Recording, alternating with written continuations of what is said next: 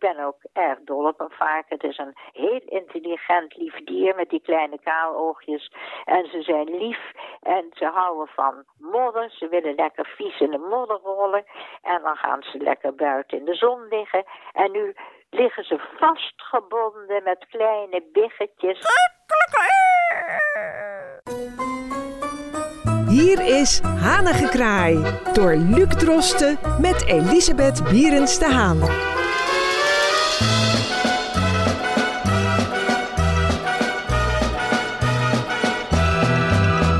Dit is Hanengekraai, een wekelijkse podcast waarin Elisabeth Bierens de Haan van uh, tijd tot tijd even fel van leer kan trekken tegen het onrecht in de maatschappij. Vorig jaar hebben we al eens een aflevering opgedragen aan de nertsen en vandaag is een andere dierengroep aan de beurt, mevrouw Bierens de Haan, want u wilt het hebben over varkens. Wat is daarvoor de aanleiding? Aanleiding is dat ik een folder kreeg. Ik ben uh, dit van een organisatie en uh, daar betaal ik uh, bijdragen voor om de, de, situatie voor de varkens te verbeteren. En in die folder stonden allerlei verhalen en artikelen over hoe de varkens het vandaag hebben. Nou, dat wist ik eigenlijk al. Want zo'n ongeveer zo'n 40 jaar geleden hadden mijn man en ik een caravan in de Achterhoek. Ja. En op een zonnige middag zei ik, Julian, ik ga eens even een fietstochtje maken. Ik zei niet wat ik ging doen, want dat was geheim.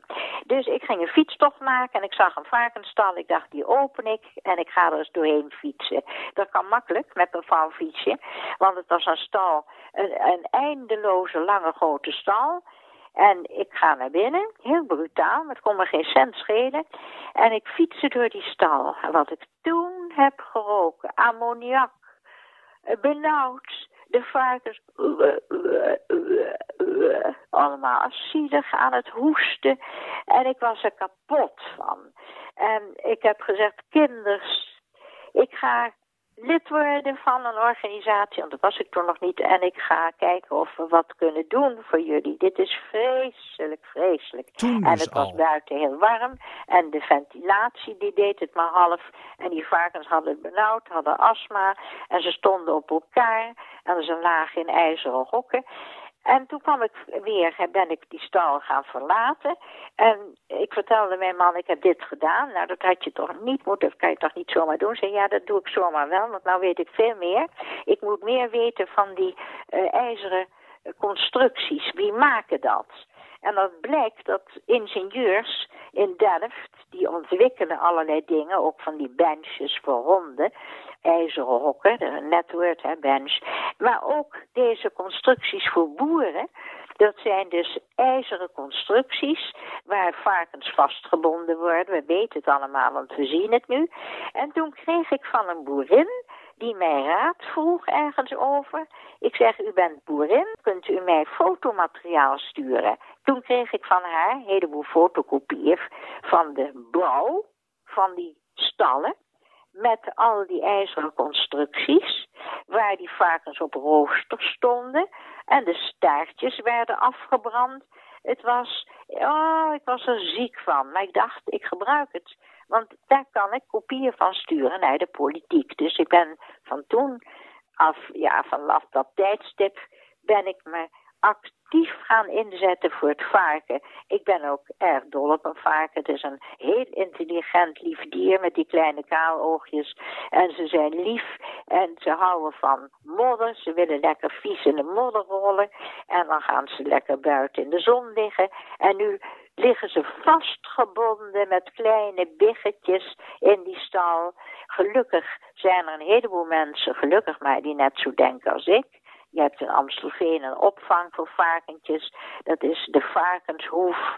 En dat is zonneoord voor varkens. Die hebben dat goddelijk. En, en degene die dat beheert, die denkt er precies zo over als ik. Kijk eens, als de overheid tolereert, à de l'argent, het brengt geld op, grote stallen. De boeren worden in een positie gedrukt, maar je kan natuurlijk ook zeggen als boer, ik ga antroposofisch, biologisch, dynamisch landbouw doen. Dan verdien ik maar minder, maar ik ga me niet voor het karretje spannen om varkens vast te binden een hele uh, week, dag, uh, maanden, jaren totdat ze naar de slacht gaan. Het is ongoddelijk, het is mensonterend, het is dieronterend. En ik vind dit, zolang ik op de aarde rondloop, zal ik me tot mijn dood inzetten en hopen. Maar het is ijdele hoop. Wat ik wil, maar ik krijg het niet voor elkaar alleen. Maar dat er nu, nu in het nieuwe kabinet grotere straffen worden gegeven, uitgedeeld aan dierenmishandelaars. En wat ik ook wil, dat men alle stallen gaat bekijken op lampen. Die stallen, die krijgen geen daglicht haast. Die hebben lampen, die heb ik gezien, soort neonbuizen. En wat gebeurt er? Na verloop van tijd, misschien door de ammoniaklucht, ontploffen die dingen. En daardoor heb je branden. Het is toch vreselijk als ik mijn vinger brand aan een pan in de keuken. Dan, dat is verschrikkelijk. En dan moet je denken dat zo'n heel, zo'n hele stal verbrandt. Maar dat wordt gewoon gezegd, ja, er zijn zoveel verbrand. En ja, die stal, ja, dat is jammer. En dan gaan we een nieuwe stal opbouwen. Het zijn objecten. En dan verder hoe het verhaal verder gaat, dat het vroeger eh, ook niet altijd even goed was, dan zeg ik, dan moet je in die tijd geleefd hebben om te zien hoe het toen was. Je had daar meestal bij de boer twee of drie varkens en die stonden dan in een ja, houten omhuizing, maar dat varken, dat ging naar buiten, dat was een modderplaats, daar gingen ze doorheen rollen.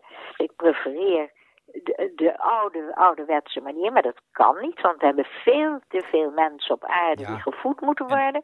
Maar je kan wel zeggen, als je dan inderdaad stallen maakt, zoals we nu hebben, dan doe je dat vriendelijker.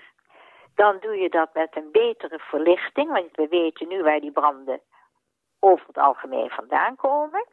En we weten ook, een stinkende stal met ammoniak, dat betekent slechte ventilatie.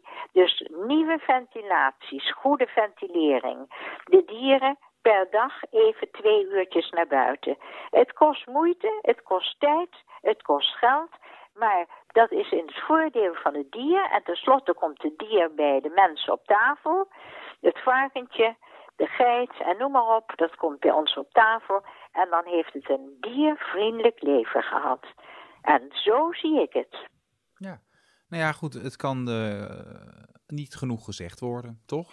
Ja, ik zou zeggen, frappe voor, frappe toujours. Uh... En niets ten nadele van de boeren, want die zitten ook in een soort keurslijf. Maar wat ik gezegd heb, daar blijf ik bij. Ik heb zelf wel het gevoel dat de laatste jaren daar goede uh, stappen worden gezet in de richting. Dat men toch af wil Jawel, van die bio-industrie, meer biologisch dus, vlees, ja, et cetera. Men voelt niets wat een dier eigenlijk is. Men denkt dat dier dat kan niet praten, dat dier kan niks zeggen, is een stom dier. Ik zeg maar even de gedachtegang van mensen. Maar men moet, als men religieus denkt, dan ziet men de dier en de planten en bloemen als een godsschepping. En die moet je met eerbied behandelen. Ik weet nog, leuk Luc, zal ik je even vertellen. Op het Minervaplein woonde een dame met een labrador. En daar was ik dol op. En die hond was dol op mij. En die dame kreeg een, een omgang, zoals het ouderwets heette, met een nogal uh, grote uh, rulleman, als ik het zo mag zeggen. En die man moest natuurlijk ook voor die hond zorgen. Nou, en die hond werd oud en die liep wat moeilijk. En ik kwam ze weer tegen. Ik zeg, dag lieve hond. En van die hond, het, liefste van de hele familie, was een schat. Ja, maar die hond was oud, die was veertien en was eigenlijk aan het eind van zijn leven. Waarop die rulle vent zei, nou naar binnen. Ik zeg, wat zegt u nou? Wat bent u brutaal tegen die hond? Kunt u niet beschaafd tegen die hond praten? Nou, die, die vriendin van hem, die keek met grote ogen. Die keek zo van, dat heb ik altijd al tegen hem willen zeggen, maar ik durf het niet, want ik hou van hem, moet je nagaan. Ik zeg, wat een taal tegen die hond. Biedt u excuses aan aan die hond. Pas op, als ik dat nog eens meemaak, hè. Nou, ik heb die man zo uitgevoerd, ik was zo des duivels. En ik ging naar die labrador, kreeg schat zijn stem is niet mooi en de inhoud is niet mooi. Daar eindigde ik mee. En jij bent een schat. En toen liep ik door. En ik heb die mevrouw ook niet goeiedag gezegd. Ik dacht, als je met zo iemand omgaat, dan, dan, dan blijkt het dat je geen onderscheidingsvermogen hebt. En zo is het gegaan. En dat vertel ik met trots. En ik ben reuze blij dat ik dat gedaan heb. Zo spreek je niet tegen een hond. Je bent beleefd, aardig en je behandelt de hond als een schepping gods. En als je dat niet kan, dan moet je maar een stofzuiger nemen. Oh, dat vind ik ook wel een goed idee voor heel veel mensen. ja, of Ja. dan neem je een Playstation. Ja, Oh ja, daar hebben we het ook wel eens over gehad. ja. Nou, mevrouw Wierens de Haan, eh, hartelijk dank weer voor uw visie. Lief, graag gedaan. En volgende keer zijn we er Tot de weer. volgende keer. Tot dan. Tot dan. Wilt u reageren? Mail naar hanigekraai.amsterdammefm.nl en uw bericht komt terecht bij mevrouw Berends de Haan.